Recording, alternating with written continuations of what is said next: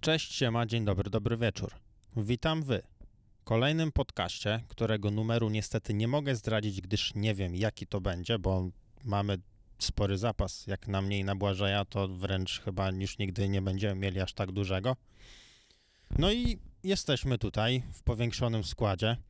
Oprócz Błażejka Dzień dobry, Sandomierski WK. jest z nami nasza przyjacióła Agaciasta. Agata Łyzińska, znana szerzej jako dziewczyna Sakera. Witam, to ja, dziewczyna Sakera. Koniec. Okej. Czyli dzisiaj porozmawiamy trochę o... Sakerze. A, myślałem, że może o czymś innym. Możemy. Chciałabyś o czymś innym? Tak, o zaburzeniach odżywiania. Co ty na to, Damian? Tak, tylko od razu zaznaczmy, że nie pogadamy o tym tak, jak ty o tym mówisz, czyli tak e, mm, no na bazie doświadczeń i tak można powiedzieć, że profesjonalnie, a bardziej chcielibyśmy być z Błażejem takimi nobami, którzy będą zadawać ci pytania. Znaczy, ja nie Żeby- muszę udawać, nie? Znaczy, no to nie, to w sumie jesteśmy nobami, to no faktycznie. Ja właśnie y, leżę tutaj sobie i boję się, pierwsze to boję się, że przysnę, bo jest tak, mm, jest tak wygodnie, ale wiem, że tematy mnie rozbudzą, ale no ogólnie nastawienie mam takie, że chciałbym się wielu rzeczy dowiedzieć. No i myślę, że się dowiesz. No chcielibyśmy sobie najpierw wyjaśnić, e, czy właśnie takie zaburzenia odżywiania, czyli takie e, no, po problemy psychiatryczne czy psychiczne? Psychiczne. Chociaż nie wiem. Właśnie to ja może też, bo tak zaczęliście, że to będzie profesjonalne z mojej strony, a ja też jestem debilem w tym temacie tak naprawdę. W sensie nie mam, e, wiecie, wiedzy naukowej. E, też mam swoje doświadczenie, więc, więc w sumie będę o tym doświadczeniu dużo mówić na pewno. W sensie, To we trójkę się dowiemy dużo. Tak, o, może tak. Może ludzie w komentarzach napiszą, jak jest naprawdę, nie? E, Znaczy, bardziej chodzi o to, że ty to przeżyłaś i Nie, no, powiedzmy, e, my z Błażejem będziemy myśleć tak mocno, mocniej komputerowo, czy tak właśnie bez, świ- bez świadomości wielu rzeczy i zobaczymy, czy to można przełożyć na jakąś automatyzację, czy na jakiś sprzęt, czy, czy coś w tym stylu, czy coś, co się rodzi w naszej głowie, może mogłoby pomóc. No a oprócz tego, e, no przekonamy się, czy y, to jest właśnie bardzo trudne i skomplikowane, no bo tak naprawdę ludzie nie są świadomi, że te problemy są, że to nie jest tak, że powiesz komuś przestań jeść albo dobra, weź się ogarnij i, i będzie spoko. I do tego nas pchnął pewien cytat, w którym ktoś powiedział, że większość ludzi jest gruba tylko przez to, że się obżera i wystarczy przestać się obżerać. E, I, I dlatego właśnie sobie o tym, no, no to pchnęło dalej i o tym sobie, e, sobie pogadamy dalej. Nie, zacyco- nie zacytowałeś całego. A mam zacytować całe? No zacytuj. Dobra, to już cy- cytuję. Ja Cytuję. chętnie, ja chętnie, ja bardzo chcę, żeby to było na podcaście. Cały, Dobra. pełen cytat. Dobra, czytuję, cytuję cały cytat. Ja też mam niedoczynność tarczycy i nie, zwa- i nie zwalałem na to winy, że byłem pierdolonym grubasem. Powodem nie są choroby, tylko obżarstwo jak obleśne świnie. Nie okłamujmy się ludzie i weźmy odpowiedzialność za swoje czyny. Bardzo, bardzo, Dobrze, że teraz tam jest, lepiej. yy, wiesz, że to mężczyzna, bo ja też mam niedoczynność tarczycy, więc to mogła być ja. Ale to nie ja. Nie no, ale ty chyba uważasz inaczej trochę. Nie, no właśnie dzisiaj e, przed tym podcastem e, nagrywałam podcast do siebie o depresji. No i właśnie też mówiłam o tym, że ta świadomość jest na tyle mała, że często nawet właśnie osoby z depresją słyszą weź się ogarnij, nie użalaj się nad sobą. To wiecie, tak jakby osobie, która, nie wiem, ma e, grypę żołądkową powiedzieć weź nie żygaj, nie? Nie, najlepszy to jest, a pierdolisz, dawaj.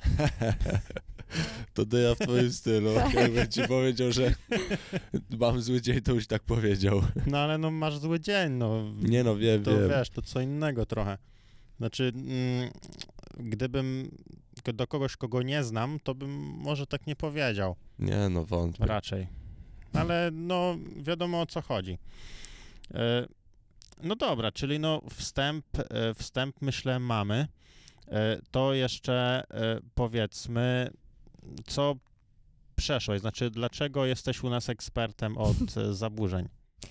Dobrze, więc... Tak w y, dużym skrócie. Tak, tak, tak. Ostatnio na story tak odpowiadałam, więc mam to ułożone. Y, W wieku 15 lat zachorowałam na anoreksję. Byłam dwa razy hospitali- hospitalizowana y, z zagrożeniem życia, niestety. Y, Miałam depresję w międzyczasie, później wychodząc z anoreksji wpadłam w bulimię sportową, a wychodząc z bulimii sportowej wpadłam w napady obżarstwa, które trwały przez około 6 lat, no a łącznie mm, z zaburzeniami odżywiania walczyłam przez 8 lat swojego życia. Więc jedną trzecią swojego życia miałam zaburzenia odżywiania, ale jestem od dwóch lat, można powiedzieć, czysta. W sensie nigdy nie powiem, że wyzdrowiałam, bo uważam, że no, na tyle to było duże wydarzenie i długie, że pewnie na zawsze coś tam zostanie w głowie. No ale tak, jeśli chodzi o moje zachowania, no to powiedzmy od dwóch lat nie miałam żadnego takiego epizodu e, związanego z napadami czy, czy z takim odchudzaniem niebezpiecznym. Okej, to teraz jako, że zrobiło się troszkę smutniej, to, to przejdziemy dalej jak najszybciej. E, No i nasuwa się takie pytanie, czy w twoim leczeniu brały udział jakieś sprzęty na przykład? Nie, poza takimi, wiesz, bo podejrzewam, że pytasz o takie bardziej, o jakich wy mówicie.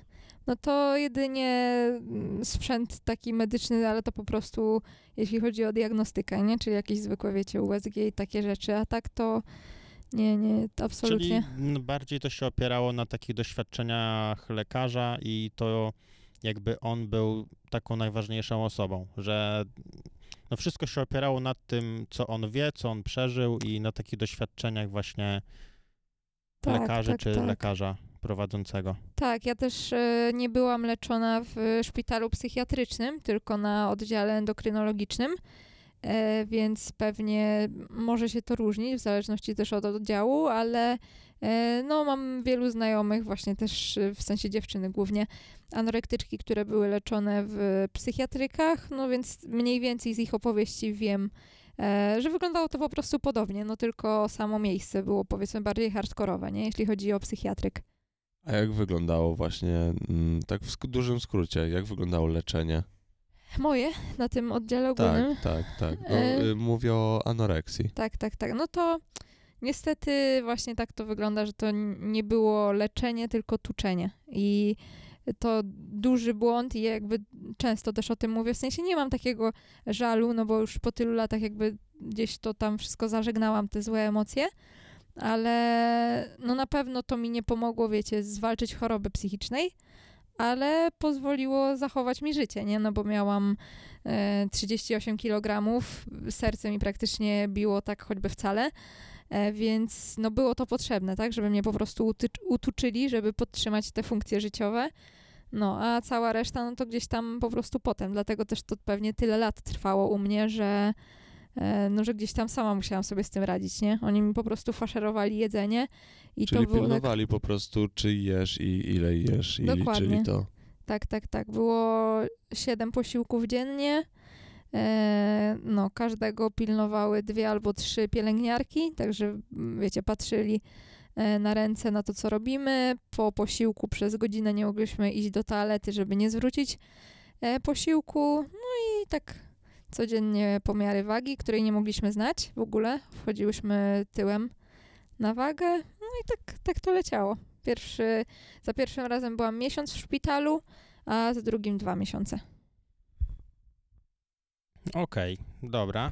No to teraz już bardziej konkretnie.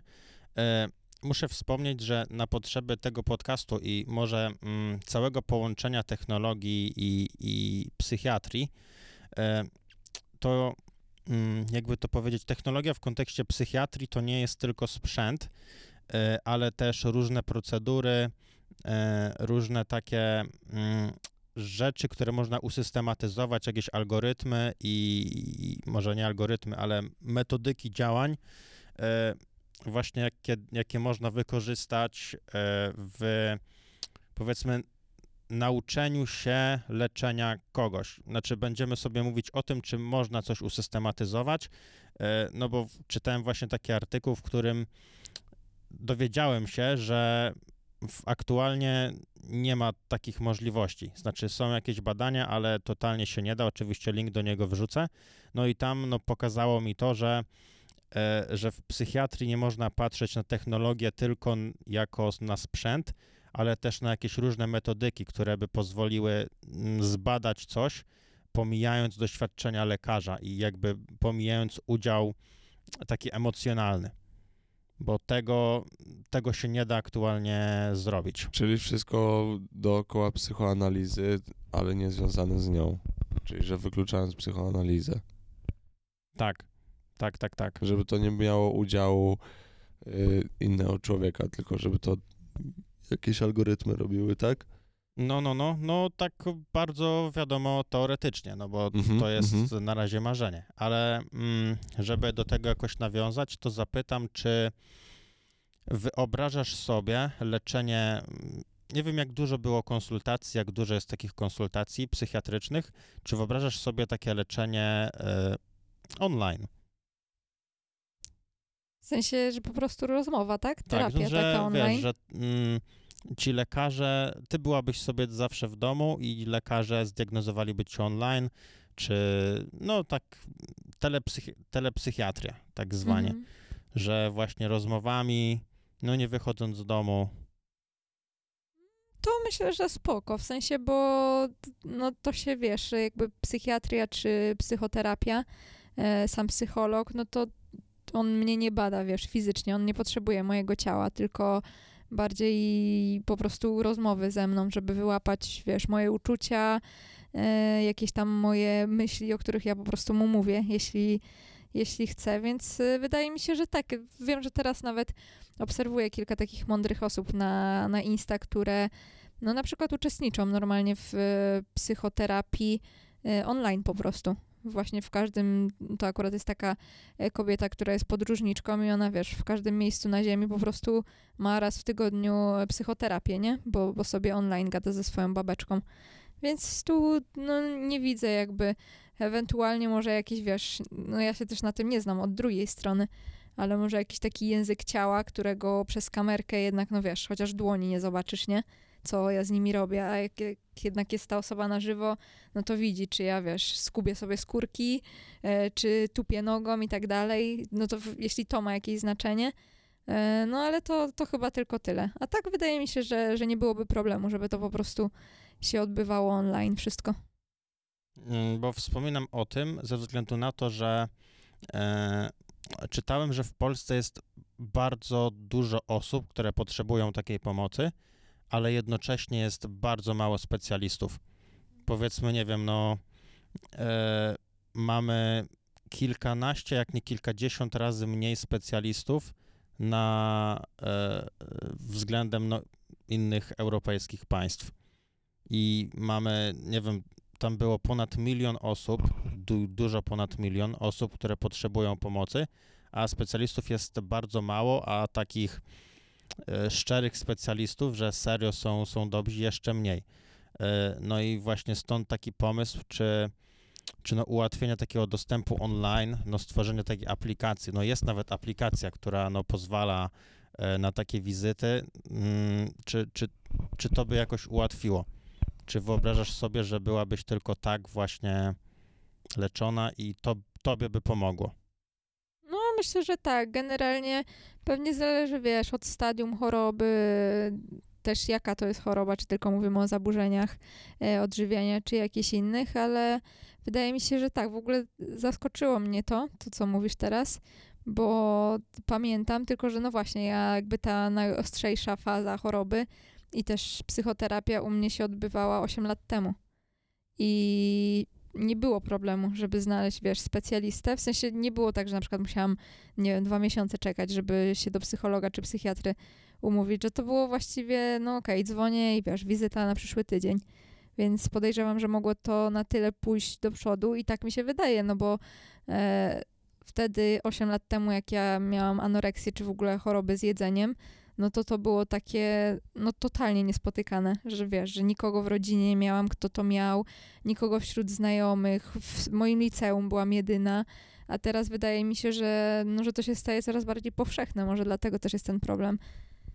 E, Wiesz, no wiadomo, że e, ci specjaliści nie są tylko o, przy pomocy, mm, do pomocy przy zaburzeniach odżywiania, ale też no innych, innych e, takich problemach e, związanych z psychiką, E, no co nie zmienia faktu, że no przez te 8 lat na pewno zwiększyła się świadomość pewnych rzeczy.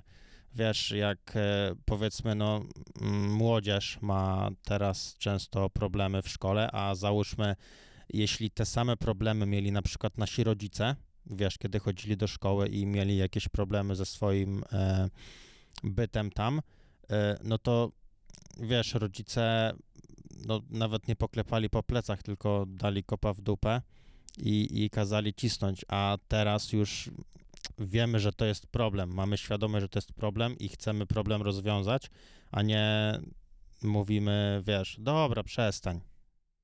I myślę, że stąd na pewno jest to większe zapotrzebowanie i no myślę, że na przestrzeni 8 lat to na pewno ewoluowało. No bo więcej, więcej widzimy i, i też ludzie więcej rozumieją i to nie jest... No ludzie rozumieją, że nie wystarczy powiedzieć, a chuj, Przejdzie. przejdzie. Tylko, że, że to wymaga pomocy i, i stąd wzięło się na pewno takie, e, takie zapotrzebowanie. Czyli uważasz, że bez kontaktu face to face e, byłoby, byłoby spoko. A nie uważacie, że na przykład anoreksję ciężko było tak wyleczyć?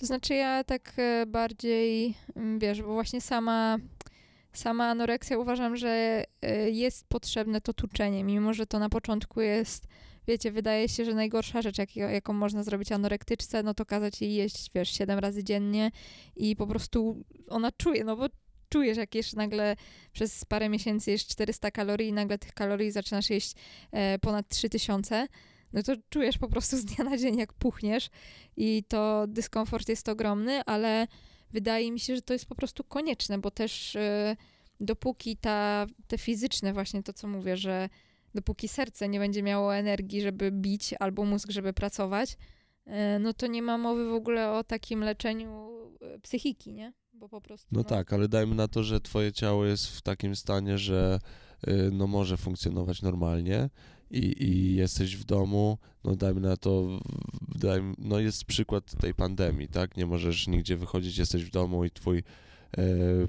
psychoterapeuta kontaktuje się z tobą online, no i czy da się zwalczyć właśnie e, tą anoreksję tak jakby mm, u źródła w psychice, e, że na przykład, bo chodzi mi głównie o te takie mm, zachowania jak, nie wiem, chowanie jedzenia albo e, wymiotowanie właśnie, no albo po prostu no, no unikanie tych posiłków, no i też e, ważenie się, patrzenie na tą wagę, no to są takie odruchy właśnie, których ciężko się pozbyć bez takiej kontroli fizycznej jakby, tak mi się wydaje. No, ale to też to, co mówisz, y, to właśnie zaliczam powiedzmy do tej pierwszej fazy, czyli no fizycznie, jakby psycholog też się tym nie zajmuje, nie? Od tego są e, lekarze, którzy to nadzorują właśnie tylko od tej strony fizycznej, czyli żeby waga była ok, żebyś jadł posiłki, żebyś ich nie chował i tak dalej. E, A psycholog w ogóle jakby w to nie wchodzi, nie? Psychologa nie obchodzi to, czy ty e, żygasz po posiłku, czy nie, czy ty chowasz jedzenie, czy nie, tylko no bardziej on próbuje zrozumieć, czemu to robisz, co mogło być przyczyną, e, co może być rozwiązaniem, co cię, wiesz, psychicznie prowokuje do takich zachowań i tak dalej. Więc jeśli chodzi o taką e, psychoterapię, no to no to wydaje mi się, że wiesz, że nie ma różnicy po prostu, czy to jest u niego w gabinecie, no bo Mhm. tak, jak idziesz na e, terapię, no to też jesteś u niego w gabinecie przez godzinę. On też nie ma wpływu, czy ty Mhm. wiesz, przez resztę dnia e, co robisz, nie? Czyli to trochę bez sensu. No tak, no bo w sumie no nie da się, no bo ja uważam, że właśnie ta waga, sama waga to jest jak uzależnienie, że się patrzy na te cyferki i no ciężko psychologowi właśnie zrobić tak, żebyś no nie stawała na tą wagę, albo y, nawyk chowania jedzenia jest jak kleptomania, nie? Że po prostu już robisz to w pewnym stopniu nieświadomie. i chowasz to jedzenie, no i też psychologowi ciężko, wiesz, nawet jak on ogarnie, dobra, nie je, bo coś tam, jakaś trauma z, e, z dzieciństwa czy coś, albo do, po prostu dojdzie do tego, jaka jest przyczyna, to ciężko będzie to zwalczyć, gdy osoba chora ma dostęp do tych e, takich jakby, no moim zdaniem to jest normalne uzależnienie, te, te małe rzeczy, no nie? Właśnie chowanie albo codzienna waga, sprawdzanie tej, e, tych cyferek, bo to już są cyferki w sumie, e, to jest takie mikrouzależnienie, no nie? Że to są małe takie uzależnienia, które się składają na tą anoreksję. I, i, i pytanie, czy, no że właśnie ciężko jest psycho, psychologowi to tak naprawdę wyleczyć, m, nie mając wpływu na to, czy ta osoba, wiesz, bo to jest tak jakby ch- chciała wmówić palaczowi, żeby nie palił i on by wychodził e, z, z- z terapii i, i miał paczkę przy sobie. Nie no, dlatego y, ja uważam, że psychoterapia, w sensie w ogóle udział, może, może nie powinnam tak mówić i to pewnie jest uzależnione od tego, że ja po prostu nie trafiłam na dobrych e, psychologów ani psychiatrów, ale w moim odczuciu y, to wszystko, o czym my tu mówimy, to jest, nie wiem, 2% leczenia. W sensie, że dopóki to, wiesz, nie wyjdzie od ciebie, e, no to nikt z zewnątrz nie jest w stanie na ciebie wpłynąć, no bo nawet jeśli jesteś w psychiatryku, no to i tak znajdziesz sposoby, żeby oszukać, a jeśli nie tam, no to wiesz, to też nie będziesz całe życie w tym psychiatryku, tylko leczenie trwa, no nie wiem, 2-3 miesiące, wypuszczają cię, no i jeśli w tobie nie ma e, tej decyzji, że, że po prostu już tak nie chcesz, że będziesz z tym walczył, no to, no to wiesz, no to zawsze możesz oszukać. No w sumie racja, bo no zawsze się powtarza, że osoba chora albo osoba uzależniona sama musi wyjść z inicjatywą. No tak. E, czyli tak naprawdę wszystko sprowadza się do tego, że e, i dobra relacja z lekarzem mogłaby dopiero wpłynąć, że lekarz nie zachowałby się jak tak po prostu jak e, wiecie, mm, tak służbowo, tylko on musiałby nawiązać jakąś większą więź i musiałby ją podtrzymywać. I wtedy to mogłoby mieć większy wpływ? Bo czy, czy ta relacja z lekarzem, e, wiesz, czy, czy miałeś coś takiego, że lekarz próbował się z tą zakumplować, czy bardziej właśnie tak szłaś jak, nie wiem, do odpowiedzi na polskim? Mm, Ogólnie lekarz w szpitalu, no to totalnie miał wyjebane na, na wiesz, psychikę. E, I to często takie były wręcz absurdalne po prostu e, rzeczy, że na przykład jak miałyśmy obiad, to przychodziła lekarka, która była takim dyktatorem na tym oddziale i, i na przykład robiła nam, mówiła, dziewczynki, co wy tak wolno jecie? W tempo, talerz buzia, talerz buzia i nam klaskała. I musiałyśmy jeść w tempo serio po jak w prostu. wojsku, nie? I ja po prostu ja byłam w takim szoku, że to się dzieje. No ale wiadomo, no, to był chyba, ona chyba była ordynatorem, więc wiecie, jest takie, że no musisz się słuchać serio jak w wojsku i po prostu wpychałyśmy to jedzenie w gębę i przełykałyśmy prawie się dławiąc, nie? Bo musiał być talerz buzia, talerz buzia. E, Więc jakby lekarz tak w szpitalu, no to totalnie nie wchodzi w to.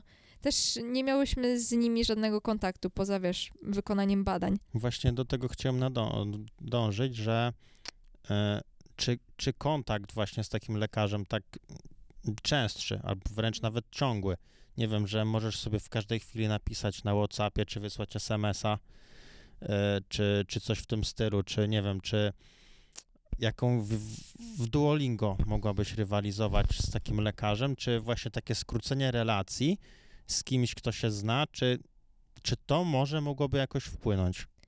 No, z psychologiem myślę, że tak, bo jakby od lekarza też nie można tego wy- wymagać, nie? Że on nagle, wiesz, jest na przykład endokrynologiem, no i będzie, e, będzie się zajmował twoją psychiką, ale sam psycholog, e, no myślę, że to jest bardzo ważne, bo jeśli on ma ci w jakiś sposób pomóc, no to musisz się maksymalnie na niego otworzyć, nie? Bo musisz mu właśnie mówić e, no o tych takich najskrytszych rzeczach, nie? Które wyciągasz właśnie e, tylko przed sobą, bo się wstydzisz, wiesz, nawet mamie powiedzieć, czy siostrze, czy przyjaciółce.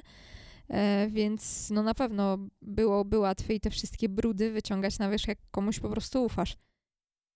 Bo ja to sobie tak rozkminiam, że e, to leczenie jest bardzo trudne. Często, mm, wiesz, to co tam mówiłaś e, wcześniej, że wiesz, no psycholog pracuje i jak słuchasz tego, to to się wydaje bez sensu, takie błędne koło, że on pracuje, a to i tak wszystko zależy od ciebie i, i tak...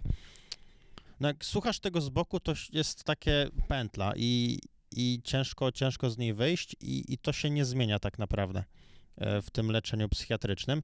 I ja sobie tak to rozkminiam, że e, mm, wiesz, takie skrócenie relacji, że le, lekarze, kilku lekarzy, którzy odpowiadają za leczenie, bo tutaj, wiesz, no ważne są hormony, czyli endokrynolog, powiedzmy, że ograniczymy się.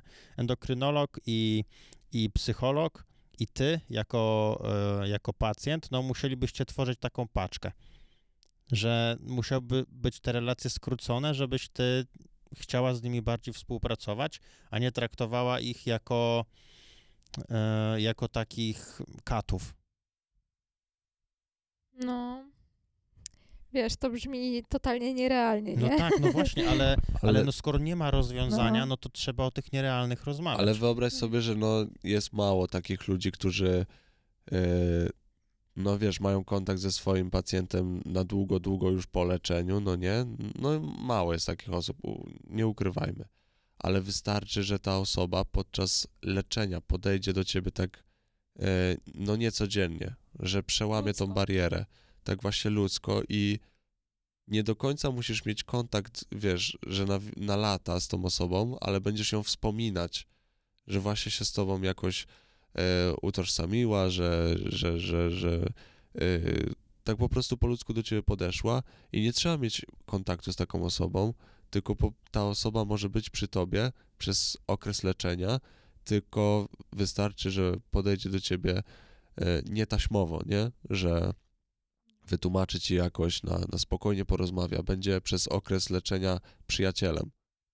No to tak właśnie jak mówisz, to już nawet y, abstrahując, że to jest lekarz czy psycholog, no to po prostu tak typowo ludzko, to zawsze jak mamy problem, no to fajnie, jeśli ktoś jest do nas przyjacielsko nastawiony i otwarty na to, żeby nam pomagać i to e, wiecie, często jest tak, że mm, ta anoreksja ma gdzieś tam podłoże e, no w takich fundamentach, nie? Czyli na przykład w życiu rodzinnym, że coś poszło nie tak w, po prostu w twoim dzieciństwie, w twojej relacji z rodzicami i właśnie nie zawsze, no nie zawsze e, jest to wsparcie w tych najbliższych, więc znalezienie takiego wsparcia u osób, które są po to, żeby cię wyleczyć, no jest na pewno bardzo, bardzo cenne.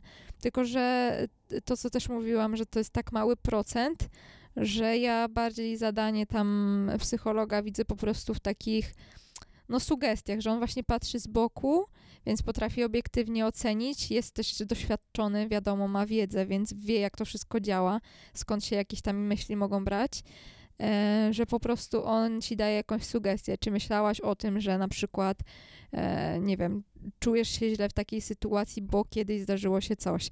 I ty jakby to twoim zadaniem jest to wszystko sobie przemyśleć na spokojnie, już poza gabinetem i wiecie, jakby no nie wiem. Wydaje mi się, że, że ja też po prostu jakby nie przeskoczę tego, że nie mam po prostu dobrego doświadczenia, nie? Więc nie chce mi się uwierzyć, że, że komuś psycholog jest w stanie, że jest go po prostu w stanie wyleczyć. Uważam, że nawet jeśli jest najlepszy psycholog, to i tak nie wyleczy bez, bez po prostu woli chorego. No właśnie, bo on nie wyleczy w ten sposób, który leczy. Ale no psycholog teoretycznie, e, bo dla nas to się wydaje nierealne, ale psycholog no mógłby potrafić albo często potrafią budować relacje. E, I wtedy wykorzystując takie niebagatelne urządzenia jak telefon, no byłby w stanie być w kontakcie. Tylko to wymagałoby zaangażowania, no pracy poza pracą w gabinecie. No tak naprawdę to musiałby być człowiek, który się poświęca i o 22 dostaje SMS-a i na niego odpowiada. No i wtedy podtrzymując takie relacje, mm, no byłoby mu łatwiej nawet dawać rady, o których mówisz. No bo tak to on wie tyle, co mu powiesz podczas tej godzinnej wizyty, a kiedy on częściej z kimś rozmawia, no to wiesz, masz powiedzmy taki moment, że chcesz się wygadać i się wygadasz. I to na pewno nie będzie moment, kiedy masz zapisaną wizytę w kalendarzu na dziesiątą za tydzień. I wtedy wiesz, że to jest układasz sobie przez cały tydzień, co tam powiesz tak naprawdę.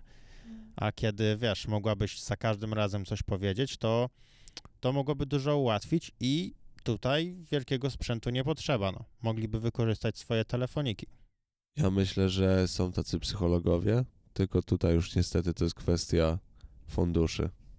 Że wiesz, że y, drogi psycholog się tak angażuje.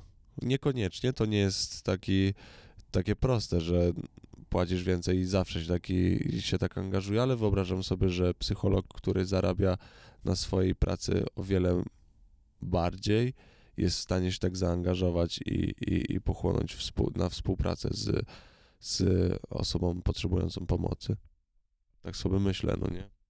A to może w sumie jest fakt, bo e, czytałem też, że bardzo mało pieniędzy w służbie zdrowia jest poświęcane właśnie psychiatrii, że to jest taki mega bagatelizowany, mega bagatelizowana rzecz.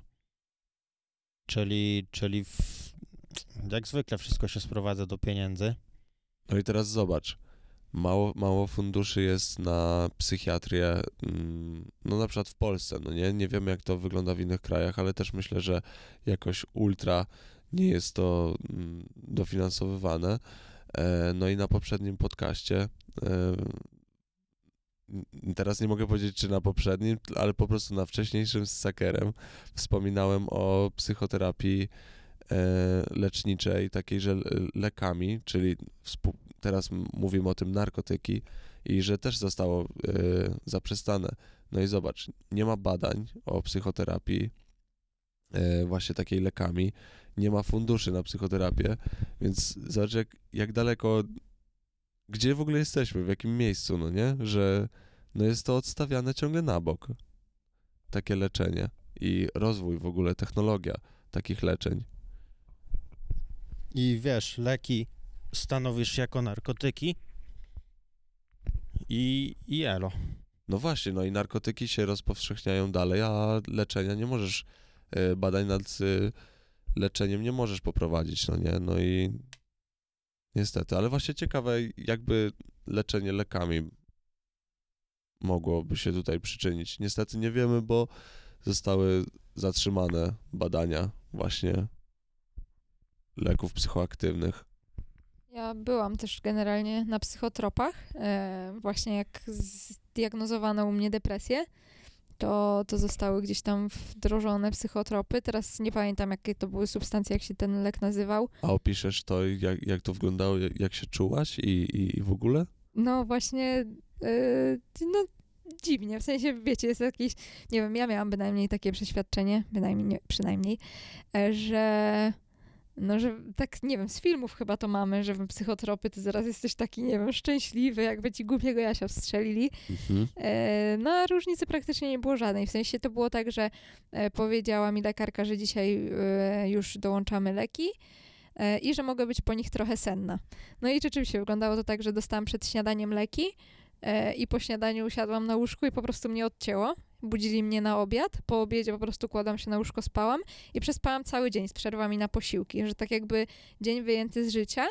Drugiego dnia już było dużo lepiej, w sensie już nie byłam taka przymulona, ale też byłam bardzo senna, a później jakby już y, organizm się przyzwyczaił, więc ja podejrzewam, że, y, że to miało takie działanie bardziej wyciszające może trochę. Mhm. Ale brałam je około, właśnie nie pamiętam dokładnie, musiałabym mamy zapytać, chyba pół roku albo jakoś 8 miesięcy i no poza tymi dwoma, trzema dniami, w które byłam po prostu śpiąca, to nie czułam, wiesz, nie czułam żadnych, nie wiem, przypływów euforii, e, czy jakichś takich, nie wiem, Dzień takiego przymulenia też. No, dokładnie. Ale czy byłaś jakoś e, uboższa w e, smutne jakieś, wiesz... Nie, Myśli? nie sądzę. W sensie, że wiesz, to było w trakcie właśnie pobytu w szpitalu, więc tam no, była masakra, bo nie chciałam tam bardzo być. Więc to na pewno nie miało znaczenia. Nie, nie było tak, że było mi lżej nagle, wiesz, być tam. E, No a później jak wyszłam, no to wiadomo, no radość, że się już wyszło, e, jakaś tam nadzieja, że już będzie okej, no ale to bardziej po prostu wydaje mi się, że sytuacyjne poprawy nastroju, a nie samo działanie leków. Mhm. No ale też bardzo możliwe, że po prostu nie były to jakieś takie mocne leki, nie? Bo, bo to też, no wiadomo, że to było mocno powiązane z zaburzeniami, więc może myśleli, że jak się uda wyleczyć tą anoreksję, to też jakby depresja, wiesz, troszkę zniknie. Mhm. No, ale ale no, nie było jakiegoś super działania, nie było odlotu. Ciekawe bardzo właśnie, bo nie, jakoś nie spodziewałem się odlotu, ale takiego braku nienawiści, smutku, wiesz, że po prostu odchodzą ci te rzeczy, które cię martwią i, i jesteś na nie obojętna. No ale jeżeli to nie tak działało, to, to pytanie w ogóle jaki ma sens? No, też, też jestem ciekawa. Nie, no gdyby było tak, jak ty mówisz, to chyba by musiało być takie ogólne otępienie. Bo raczej, Mhm. wiesz, nie może być tak, że dostajesz tabletkę i jedną rzecz czujesz, a drugiej nie. Wiesz, To znaczy- czułabym- Właśnie w technologii psycho, znaczy w leczeniu psychoterapii właśnie e, środkami psychoaktywnymi e, podobno da się to zrobić, Mhm. że LSD y, tak działa, Okej. że właśnie tylko i wyłącznie negatywne myśli wyłącza. To? Więc no są takie substancje, no ale niestety nie są powszechne. okej. To ja I- nie dostawałam LSD jak coś. Na pewno nie było to LSD. No tak jak mówiłem, niestety zostały wstrzymane prace nad takimi e, lekami, więc jedyne co to pójdziemy sobie spać po nich. Okej. A i ja mam takie pytanie, o czym myśli, e, wiesz, jak byłaś chora i jak wyglądał twój dzień? Czy on wyglądał tak po prostu normalnie, czy ty przez cały dzień miałaś jakiś jeden cel i każdego dnia ten cel był taki sam? E, przed jeszcze szpitalem, w sensie powiedzmy w tej najostrzejszej fazie, zanim mnie przechwycono i zniewolono w szpitalu, e, no to, no to dzień jest podporządkowany chorobie, ale ty nie masz tej świadomości. Jakby to jest taka, no myślę, że jedna z najgorszych rzeczy w anoreksji, że ona daje ci poczucie, że ty masz kontrolę nad wszystkim i e, umacnia cię w tym myśleniu, że ty wszystko kontrolujesz i to jest wiecie, to jest strasznie uzależniające mieć poczucie, że masz kontrolę nad całym swoim życiem, bo wszystko jest tak, jak ty sobie ustawiłaś. E, a w gruncie rzeczy, no wiadomo, że brniesz po prostu w chorobę i się zabijasz powoli, e, ale no to było tak, że perfekcjonizm opanowany do perfekcji. Masło maślane. O wow. E, W sensie każda właściwie minuta dnia była tak ułożona, żebym dokładnie o tej samej godzinie jadła posiłki, bo ja jadłam e, cztery posiłki dziennie, bo wierzyłam, że to mi napędza metabolizm. E, tylko, że jeden posiłek to była łyżeczka jogurtu z łyżeczką otrąb, druga to była jedna trzecia ogórka zielonego, trzeci posiłek to był obiad, który mama robiła, no ale którego jadłam najmniej jak się dało. E, No i czwarty, no to w zależności jak kaloryczny był obiad, no to było, jak miałam dużo kalorii na wieczór, to było jedno jajko, jak ma, miałam mniej, no to były na przykład dwie rzodkiewki. I te godziny posiłków musiały być idealnie takie, jak sobie to zaplanowałam. Między tym musiały być dokładnie tyle minut na aktywność, ile sobie zaplanowałam. E, dokładnie tyle minut na naukę, bo bo to nie tak, że tylko się odchudzasz i masz jakby wyjebane na resztę życia, tylko właśnie ten perfekcjonizm jest taki, że uczysz się bardzo dobrze, nie zaniedbujesz obowiązków szkolnych, mimo że nie potrafisz się skupić, no bo wiadomo, ten organizm już jest wycieńczony. E, No ale wszystko, wszystko się kręci wokół tego, żeby, e, wiesz, żeby mieć kontrolę, nie? I to jest, to jest takie największe gówno, że wydaje ci się, że masz pełną kontrolę, a masz ją coraz mniej, bo ktoś, wiesz, rządzi za ciebie, nie?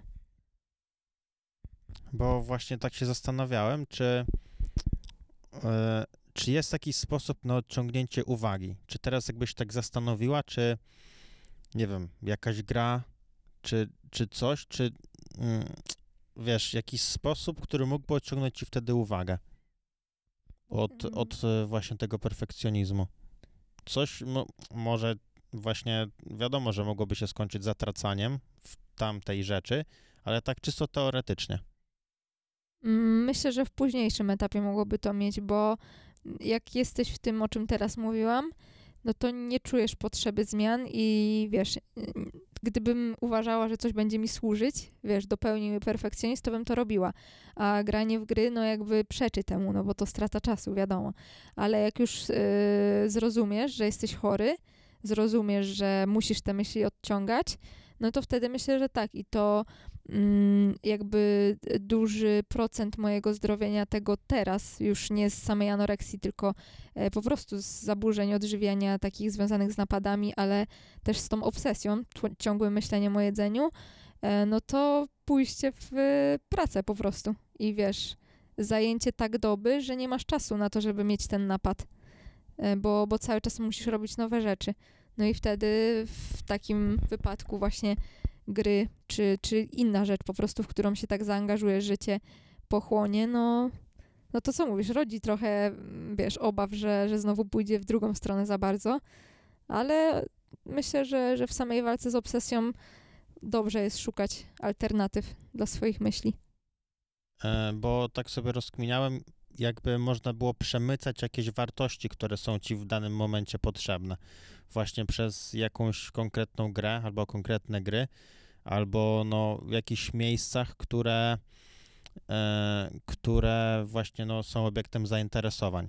Że wiesz, no wiadomo, że nie każda gra by to przemycała, ale e, no powiedzmy byłaby gra, w którą byś grała z tym psychologiem, wiesz, ona by była fajna, to no jak wiele innych rzeczy trzeba jeszcze wymyślić. Na razie to sobie tylko marzę o tym, E, ale no byłaby to gra, w którą byś grała właśnie z tym psychologiem e, i ona by była, wiesz, jak Tibia, że tego nie widać, ale jednak przemyca wartości.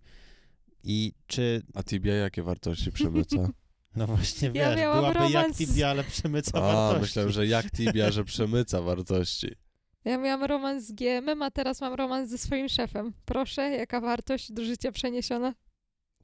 Dla mnie idealnie. Ja kocham Tibię. Ja jestem w ogóle fanatykiem Tibi. Kiedyś na emeryturze wrócę do Tibi. I, I wiesz, i w Tibi takie podteksty, które mia- mogłyby ci teoretycznie pomóc. Ciężko im powiedzieć jakie, e, ale wiesz, takie to, czysto teoretyczne miejsce, w którym byś siedziała długo, no bo Tibia wciąga i ono by cię leczyło. Wyobrażasz sobie taką próżnię? No brzmi obiecująco. Ale też nie mam, wiesz, nie mam w głowie, e, w sensie jestem otwarta na, na nowe rzeczy i no zajebiście, gdyby to szło w tą stronę, no bo jak widać takie, to co się robi, wiesz, pewnie od e, kilkudziesięciu lat e, jest takie samo, no to chyba nie daje takich rezultatów, no bo, no bo nie leczymy tego, nie? Nie jesteśmy w stanie wyleczyć zaburzeń e, odżywiania konkretnym działaniem. W sensie nikt tego nie ogarnął na tyle. E, no więc jestem otwarta na nowe rzeczy, ale, ale też nie mam, wiesz, nie mam w głowie takiej wartości, która by mogła sprawić, że ja wtedy sobie pomyślę, okej, chcę wyzdrowieć. Też No- pytanie, w jakim procencie taka gra by była leczeniem, a nie odciąganiem od jednej choroby do drugiej, że od jednego uzależnienia do drugiego uzależnienia. Ciekawe, no. Że to nie jest sposób leczenia, tylko odciągnięcia do innego uzależnienia. Tak sobie to wyobrażam. Mhm. No właśnie też dobry, dobry temat. No, e, rzuciłem temat gry ze względu na to, że no, nie zauważyłem, przynajmniej no tyle, co sobie poczytałem, to nikt o tym za bardzo nie wspomina. Każdy szuka metod, technologii i, i w ogóle. I pytanie, czy wykorzystywanie tego, co najpopularniejsze, nie byłoby w jakimś stopniu właśnie, właśnie jakimś sposobem i szukanie tam jakiegoś przemycania wartości, żeby, żeby no, no chciałem, w głowie miałem zdanie, żeby dawać inne uzależnienie, Ale to- brzmi zajebiście, nie? ale to chyba nie, nie do końca o to chodzi. Chyba nie wymyślisz jakiejś rewolucyjnej metody No. leczenia. No myślę, że nie w tej pozycji, nie w tym momencie i nie w minutę, ale, ale myślałem, że może wy właśnie. Ja tylko, wiecie, chciałem dać No tak. wam iskrę, myślałem, że będę ojcem sukcesu. Na pewno. My też w git pozycji, nie? Idealnie, też czas mamy zanadto. No ale to, co Błażej powiedział, to wydaje mi się, że, e, że jest bardzo duże ryzyko tego. No bo chociażby mój przykład, nie? Że okej, wyszłam z anoreksji, wpadłam w bulimię. No okej, nie miałam już anoreksji, jadłam. Ale czy No. wiesz, Właśnie, bo to osoba chora jest podatna na inne e, uzależnienia, tak jakby, no bo gdzieś to tak jakby e, struktura uzależnienia jest naruszona, no nie? I, I żeby poradzić sobie z tym, szukasz czegoś innego. No i właśnie po tobie widać, że najpierw była ta anoreksja, a później ta bulimia, a później to e, w drugą stronę, totalnie w, w drugą stronę poszło w obżarstwo, no nie? Gdzie zobacz, jak daleko jest z anoreksji do No obżarstwa, tak. a ty przy, przeszłaś już tak skrajnie, bo właśnie możliwe, że tak było, że właśnie byłaś podatna na to i, i szukałaś jakiegokolwiek. No tak. e, No nie wiadomo, jak to, jak to u podstaw wyglądało, no nie? Ale u wielu osób jest tak, że, że przychodzą z uzależnienia na uzależnienie. Bardzo dziękujemy za wysłuchanie pierwszej części podcastu. Na drugą zapraszamy już za tydzień. A teraz wbijajcie na naszą grupę Wszystko Jedno, gdzie możemy porozmawiać na tematy, których nie poruszamy w podcastach lub o tematach, które poruszyć powinniśmy. Do zoba!